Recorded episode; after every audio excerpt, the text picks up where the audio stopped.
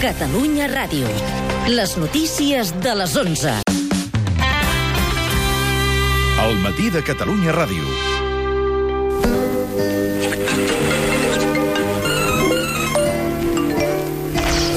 El consultori digital.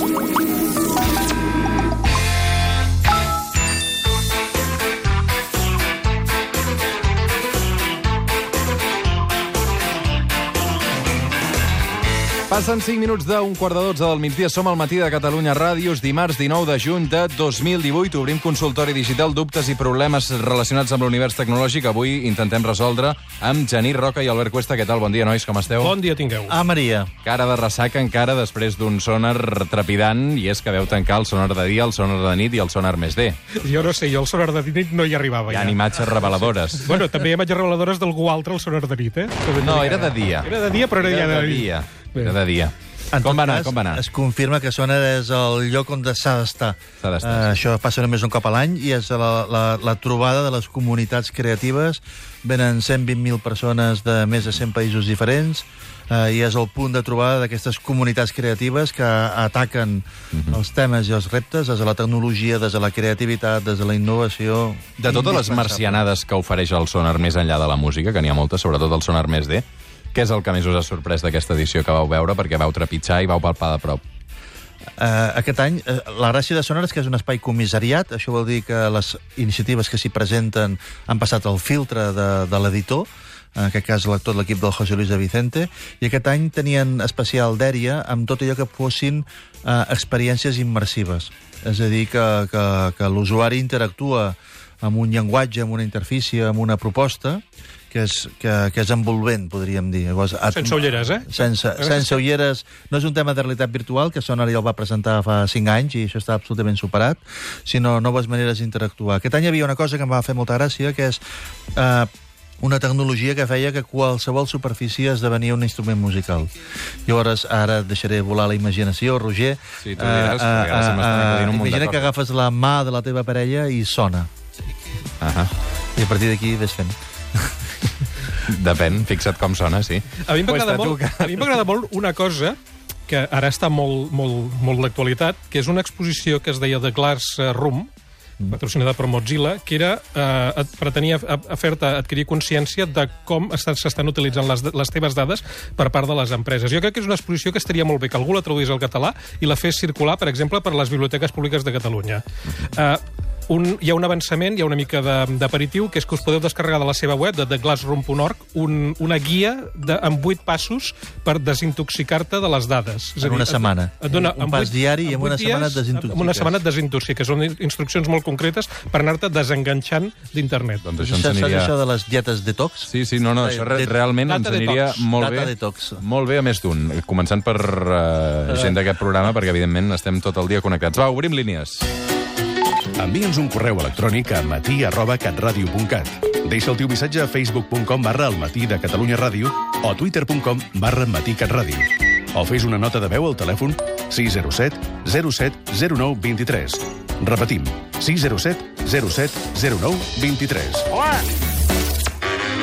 I també telèfon del directe 932017474, 932017474. Obrim línies i abans de passar les consultes dels oients, deixeu-me saludar al Francisco Sierra. Què tal? Bon dia, Francisco. Buenos días. I benvingut al matí de Catalunya Ràdio. El Francisco és director general a Espanya d'N26. A veure, primer de tot, què és això d'N26, exactament? N- N26 es el, barco, el banco del futuro. Es el banco móvil. El banc mòbil. Molt bé. banco mòbil. Això és l'eslògan publicitari, d'acord. Exacto. Entonces, eh, És a dir, avui t'hem convidat, Francisco, perquè volem parlar de la banca digital. N26 vam llegir fa uns dies que havia decidit eh, escollir Barcelona, en aquest cas, per implantar-se i per expandir-se, i vam dir, molt bé, què redimoni és això de la banca digital que fa tant temps que sentim a parlar? vamos a ver, a la gente no le gusta ir a la sucursal del banco.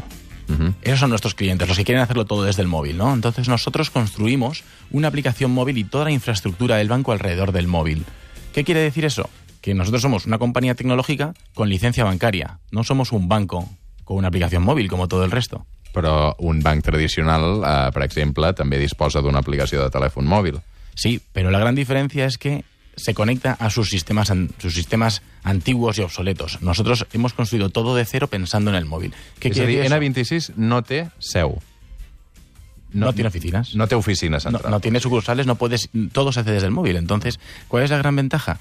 Bueno, primero, la clave está en que la aplicación del móvil es un diseño mucho más parecido al del WhatsApp o al de Spotify que el que tú tienes con tu banco tradicional. ¿Qué quiere decir? Que al final la gente le encanta usar N26.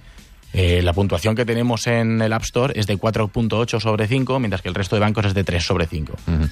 En el vostre cas, N26 és un banc alemany, eh, per tant, si obrir un compte vol dir que té la base a Alemanya. On són els nostres diners, si és un banc alemany que s'implementa a Catalunya? Claro, entonces comentaba que es un banco puramente regulado, full, completamente regulado, ¿no? Es fully regulated, decimos en inglés. Entonces, a ver, ¿qué quiere decir eso? Realmente tenemos licencia europea para operar en los 17 países en los que operamos en Europa, pero bajo la supervisión del regulador alemán. Entonces, el dinero de nuestros clientes está asegurado por el Fondo de Garantía de Depósitos alemán, hasta 100.000 euros, de la misma forma que estarías en un banco español. Tiene la misma, ofrece la misma seguridad y, eh, evidentemente... eh, Però si jo m'obro un compte amb N26, els meus diners són a Alemanya. Pregunto, eh? sí, correcto. Pregunto. I això, I això em permet, per exemple, domiciliar els rebuts igualment?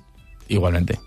Esa es la gran ventaja de estar en Europa ahora, ¿no? Que podemos movernos libremente, eh, sin fronteras dentro de los países de la Unión Europea. I té més o menys comissions, en aquest cas. Hay muchas menos comisiones. Eh, bueno, realmente nuestro producto es completamente gratuito. Tanto la cuenta como la tarjeta de débito que obtienes eh, no tienen ningún coste y eh, puedes sacar cajero, puedes sacar dinero, puedes sacar dinero de cualquier cajero eh, de forma gratuita y también cuando viajas al extranjero el tipo de cambio es el 0%. Entonces esa es la gran ventaja eh, para los clientes. Y también que somos muy transparentes. Quants clients teniu actualment vosaltres, ara?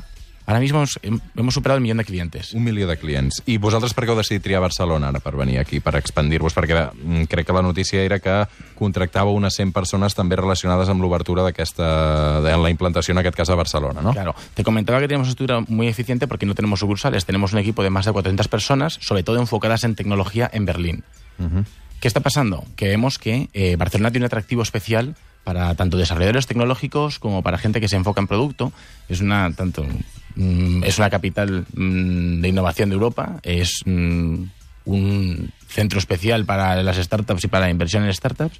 Entonces estamos viendo que atrae talento internacional y también retiene el talento local. Por eso queremos construir aquí nuestro centro de innovación, centro de tecnología, para seguir desarrollando nuevos productos tecnológicos y seguir dando la mejor experiencia de usuarios eh, a, nuestros, a nuestros clientes. Genís Cuesta, és evident que uh, la banca tampoc s'escapa de la tecnologia, uh, no? Uh, aquesta banca digital, uh, cap on va, cap on la veurem? Bueno, jo crec que és evident que tota la banca tendeix cap a millorar l'experiència digital, necessiten fer-ho perquè l'estructura d'oficines, com bé comenta el convidat, és una miqueta insostenible per estructura de costos i tots van tendint cada cop més Uh, tots fan les seves apostes. Hi ha les apostes purament digitals, N26 és un cas, la Caixa aquí va intentar el mateix amb, amb, amb, amb un banc nou que van treure que es diu Imagine Bank, uh, altres aposten per models híbrids, uh, el que fan és reduir la xarxa d'oficines i fer això que en diuen les flagships, eh, és a dir, en una ciutat com Barcelona poder acabar tinguent només 4 o 5 oficines molt currades, molt d'experiència i molt de tocar. Eh, tothom està explorant. El, el cas és que la banca, el model de negoci de la banca està patint molt, Sí, perquè digues, digues, el, el, el, el tipus d'interès està baixíssim. Vull dir que ara el negoci de tu fas un dipòsit de calés i, i li deixo a l'Albert perquè demana un préstec o una hipoteca, el tipus d'interès de tot això està baixíssim, llavors hi ha molt poc marge. Llavors els negocis o són molt eficients o palmen. Mm. Llavors a, a iniciatives com aquesta que avui estem aquí comentant a, incideixen en això, la màxima eficiència possible, i una manera és no tenir oficines. Tot i així, hi haurà un percentatge molt elevat també de la població que, escolta'm, eh, vol tenir la seva oficina, vol tenir el seu, en aquest cas, treballador del banc de confiança. Dic això, eh, clar, o tens una oficina bancària o no disposes d'aquest servei, no? Bueno, realmente eh, nosotros nos posicionamos como otro banco más que hay, ¿no? No queremos tener todo el producto, todos los servicios financieros de todos nuestros clientes. Ahí está el Banco del Futuro. El Banco del Futuro es un banco eh, que te da una serie de servicios y el resto de servicios los puedes contratar por, mm, pues, con, otros, con otros agentes. Pongamos el caso, yo lo comparo siempre con el banco tradicional es el email y el banco mm, que, que es N26 es el WhatsApp, ¿no? Eso que, que quieres utilizar para tu día a día de forma más rápida. Pero los servicios que ofrece un banco estrictamente digital eh, son los mismos. Que decir, ¿me dais crédito? ¿Me dais una hipoteca? Ahora mismo no. Lo haremos en un futuro y lo haremos a través de partners. Ahí es donde está la magia. Lo, lo haremos como plataforma. Buscaremos a los mejores en ofrecer, en ofrecer crédito, en ofrecer inversión, en ofrecer ahorro, de tal- de tal forma que no te vendemos nuestros productos para sacar más dinero de ti, que es lo que hace un banco tradicional. Te capta como cliente y te retiene y te ofrece todos los servicios financieros. Tú a través de N26 podrás conectar los servicios que tú quieras de terceros. I, per exemple, amb una senyora gran, o el cas de la meva àvia, que va cada setmana a treure els seus diners amb la llibreta en una oficina bancària, en aquest cas ho té més fumut, de moment. De moment. No és target. No és el target. No és el target de... Bueno, no, evidentment... Ah, Uh, eh, què diu ell? Es, es- es- verdad que nuestro target es gente joven, es gente que lo hace todo desde el móvil, es, eh, pero bueno, curiosamente... és necessari, evidentment, perquè, és com dius, és el futur. Però, sí, sí. Sí, sí, no, curiosamente decíamos que nuestro target era eh, los nativos digitales, pero en realidad son aquellos amantes digitales. La edad media de nuestros clientes tiene 35 años, lo cual, bueno, en el 26 es para todos. Francisco Sierra, a director general d'Espanya de N26, moltes gràcies per haver-nos vingut a parlar avui també de la banca digital, que evidentment és el futur, i també volíem doncs, deixar constància d'algunes de les iniciatives que arriben a casa nostra eh, aquests dies. Moltes gràcies. Moltes gràcies. I ara sí, el que fem és eh, passar als oients que també tenen consultes per aquesta setmana. Mira, eh, ens ha escrit el Jordi Massoni que diu tinc un Samsung S6 i des de fa un temps no sabria precisar el moment exacte i deixat de poder compartir documents, fotos per Bluetooth. Senyals horaris de dos quarts de dotze del migdia.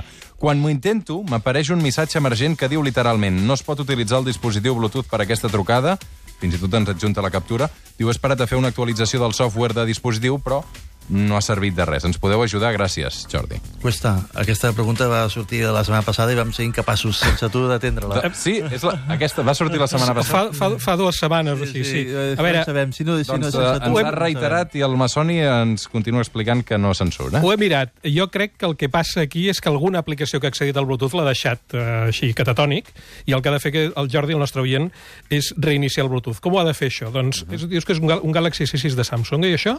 Doncs ha d'anar a, la configura a la configuració del telèfon d'Android, buscar la configuració de les aplicacions, despenjar al menú de la dreta ha aquells tres puntets que es despenja un menú secundari perquè i demanar que la, que la llista t'ensenyi també les aplicacions del sistema. Sí. Una de les que t'ensenyarà és l'aplicació de Bluetooth, que és una aplicació que normalment no la veus a la llista. Llavors, obres aquesta aplicació de Bluetooth i hi ha un botonet que és esborrar memòria cau, amb la qual poses a zero, reinicies el funcionament del Bluetooth. Uh, jo crec que amb això ho resoldrà. Una altra cosa que pot fer és desconnectar la Wi-Fi mentre intenta fer aquesta operació que volia fer, i una altra és desactivar totes les aplicacions que accedeixen al Bluetooth. Però el més important és això, esborrar la memòria cau, el que en diuen el caché, del Bluetooth. 9320747 9320747 consultes de l'univers digital i tecnològic al telèfon del directe de la Ràdio Nacional de Catalunya. Més consultes. Hola, amics del consultori. La Laura Sierra ens diu he sentit que a partir d'aquesta setmana caldrà pagar per fer servir YouTube, però jo segueixo veient vídeos com sempre. Potser és que hi ha algun límit? Uh, també la responc jo aquesta perquè ho tinc molt fresc. Uh, el portal de vídeos YouTube continua funcionant com sempre amb els seus anuncis i les seves coses. Probablement la nostra oient, la Laura, es refereix a que ahir va arribar a Espanya el servei YouTube Music, que és una nova plataforma per escoltar música amb streaming que substitueix Google Play, ai, Google Play Music i que arriba per competir doncs, amb els coneguts Spotify, Apple Music i Deezer. Llavors, uh, aquest YouTube Music sí que pot ser de pagament, perquè té una modalitat gratuïta amb anuncis entre les cançons, però si pagues 9,99 euros al mes, llavors no sents anuncis i et pots descarregar la música al telèfon O sigui per que. YouTube està aplicant aquí el model Spotify amb tota regla, no? Ah, exacte, en aquest sentit, sí. I també... Tu pagues a Spotify, cuesta o no? Perdona? Tu pagues a Spotify o Sí, tant, jo pago la modalitat familiar de 15 euros al, al mes, que em Jo permet també. 5 Tu usuaris. també pagues, eh? 14,99 per Jo vaig estar molt temps uh, sense pagar i al final també vaig caure, evidentment. Aquest és Val el model pena. de negoci de Spotify. Jo crec que val la pena, entre altres coses, per això, perquè et pots descarregar la música al mòbil, la pots escoltar sense... En mode avió, sense, sí, sí. sense, en mode avió, exacte. Sí, Sí, sí, sí. A veure, si podeu... És, perdona'm, és un tema de catàleg, al final, eh? YouTube té un bon catàleg de, de, de cançons. Jo, eh? jo crec que els catàlegs són pràcticament els mateixos, entre A tot arreu. 35-40 milions de, tit- de cançons a tot arreu. Si tu és cantant, la fots a tot arreu on pots, la cançó. Sí, la diferència jo crec que, aviam, a part de que la utilitat de, de, de la facilitat d'ús de l'aplicació és la qualitat de les recomanacions. I això, aquests sistemes, com més els utilitzes, més et coneixen. Vull dir, jo ara, jo no marxaria de Spotify perquè sap perfectament quin és el meu gust musical i la veritat és que les recomanacions que em fa cada setmana són molt bones. Um, si voleu comparar-los, YouTube Music, aquest nou YouTube Music, el podeu descarregar i instal·lar i fer-lo servir de franc durant tot l'estiu, perquè tenen tres mesos de prova. Uh -huh. uh, però no és l'únic, eh? Vull dir, perquè ahir parlàveu, per exemple, del, del Tidal, del nou àlbum de Beyoncé i Jay-Z. Uh, Jay-Z o Jay-Z es diu? Uh, Jay-Z, no? Jo. Jay-Z? Sí, sí. Uh, diria que estava amb exclusiva a Tidal. Que és, a Tidal, que és seu. Doncs Sí. aquest servei de música, que és el que té so d'alta qualitat, li ha sortit competència, n'hi ha un altre que es diu Cobooth, que també té diverses versions pels audiòfils. Pots arribar a pagar, començant pagant 10 euros al mes pels mateixos MP3 que escoltes a tot arreu, però també pots arribar a pagar 350 euros l'any i tens tota la música amb alta resolució de 24 bits. Doncs no està malament. I també hi ha novetats, en aquest cas a YouTube, amb el vídeo a la carta. Sí, eh, per una banda, aquesta setmana s'ha presentat una cosa que es diu Filmstruck, que és un servei de pel·lícules clàssiques i de cultes. El porta el mateix equip que programa el canal TCM de les plataformes de pagament. Arrenquen amb 200 títols de Warner i de Turner i costa 6 euros al mes. I va, de fet, jo crec que amb els mateixos cinèfils que la catalana Filmin, que són els que volen fugir de la xorreria de Netflix, que això els nostres companys de la secció de les sèries segur que ho tenen comentari. Doncs ara de, de seguida vindran i també els hi preguntarem. I hi ha una altra cosa que ha passat aquesta setmana que em sembla interessantíssima, que és que eh, a partir d'ara els clients de Vodafone, sabeu que ara les operadores, a més a més, són proveïdors de televisió a la carta. Els clients de Vodafone podran contractar les sèries i el cinema de Movistar Plus. I això és, és, molt, és fortíssim. Hi ha un encreuament entre operadores i això... té- Com ho podem explicar, tot això té una, té una, té unes, la, aquest cas concret, una explicació és que la CNMC, que és el regulador de la competència, obliga a Movistar a cedir una part del seu contingut premium a, a les altres operadores per compensar la posició dominant que va adquirir quan va comprar Digital Plus. Llavors, com que els, els drets del futbol són caríssims, les operadores estan buscant altres coses. I la segona explicació és que Espanya és un dels països amb més connexions d'internet d'alta velocitat, però és un dels països als quals, als quals la gent paga menys per contingut. I llavors això vol dir que tots aquests serveis consideren que aquí hi ha camp per créixer. Genís, què passa amb Telegram? S'està pagant la cosa o no? No, jo crec que segueix... Jo crec que des... Mira, ara té una percepció que és absolutament individual, eh?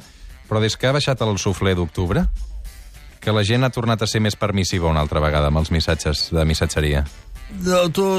A, a veure, siguem estrictes. Siguem Te- estrictes. Tècnicament, les garanties de seguretat de Telegram són comparables a les de WhatsApp. WhatsApp està encriptat punt a punt, eh, no, guarda històric, no guarda històric en el servidor eh, tret que la policia els hagi dit que ho volen guardar. És, és, és, bueno, la, si estàs paranoic, vas a Signal. Uh, Signal. Uh, si, si tens dubtes de la seguretat, prefereixes Signal abans que Telegram. Llavors jo diria que... Recordem que Signal els- és aquest sistema de comunicació Té nom de que... pasta dentífrica, però és una alternativa al WhatsApp. I t'absorbeix la bateria que dona gust, també, Ah, sí? no? Això no ho sabia. Sí, sí, és a dir, la bateria et dura una quarta part del que et durava normalment si no tens aquesta aplicació instal·lada. Diguéssim que si el motiu era postureo, fes el que vulguis, si el motiu era eh, real de seguretat, prefereixes Signal. Mhm. uh, I després, entre- de les tres opcions, per dir-ho així, WhatsApp, Telegram, Signal, s'ordenen en aquest ordre, amb paràmetres de seguretat, però si, la, si el motiu és seguretat, te'n vas a Signal. No sé, Albert, com Jo, veus? jo l'ordre el faria al revés. Jo faria Telegram, WhatsApp, Signal, perquè eh, les, les converses de WhatsApp estan xifrades sempre i a Telegram li has de demanar específicament que vols que aquella conversa sigui Correcte. xifrada. M'estàs dient que WhatsApp és més segur que Telegram? Depèn del que consideris segur, perquè el que deia el Genís, eh, WhatsApp no guarda les converses, però sí que guarda el rastre de les converses, és a dir, amb qui has tingut una conversa. Pen- Recordeu que els dos fundadors de WhatsApp, WhatsApp li van vendre a, a Facebook. Uh -huh. Els dos fundadors han fugit de Facebook perquè estaven esparverats del que estava fent Facebook amb les dades. I un d'ells se n'ha anat a la fundació que gestiona Signal. Diguéssim que en, la, en el cas català, per, per, per, per posar un exemple, val? Sí, sí. Si, si tu la sospita que tens és que un tercer vulgui escoltar les teves converses i el tercer és que l'Albert vulgui escoltar les meves converses, Telegram i WhatsApp són prou segurs. Si el dubte el tens amb la policia o amb l'Estat, eh, eh, eh, diguéssim que mm, el món Facebook és més col·laborador, per dir-ho d'alguna manera. Malgrat, malgrat que hi ha casos com, per exemple, a Rússia. Telegram està fet per uns russos i el govern rus ha prohibit l'ús de Telegram perquè no els hi deixen entrar als servidors. Vull dir que en aquest sentit s'hi estan resistint molt i molt. Uh, Genís Roca, Albert Cuesta, moltíssimes gràcies per haver-nos acompanyat en aquesta nova edició del Consultori Digital.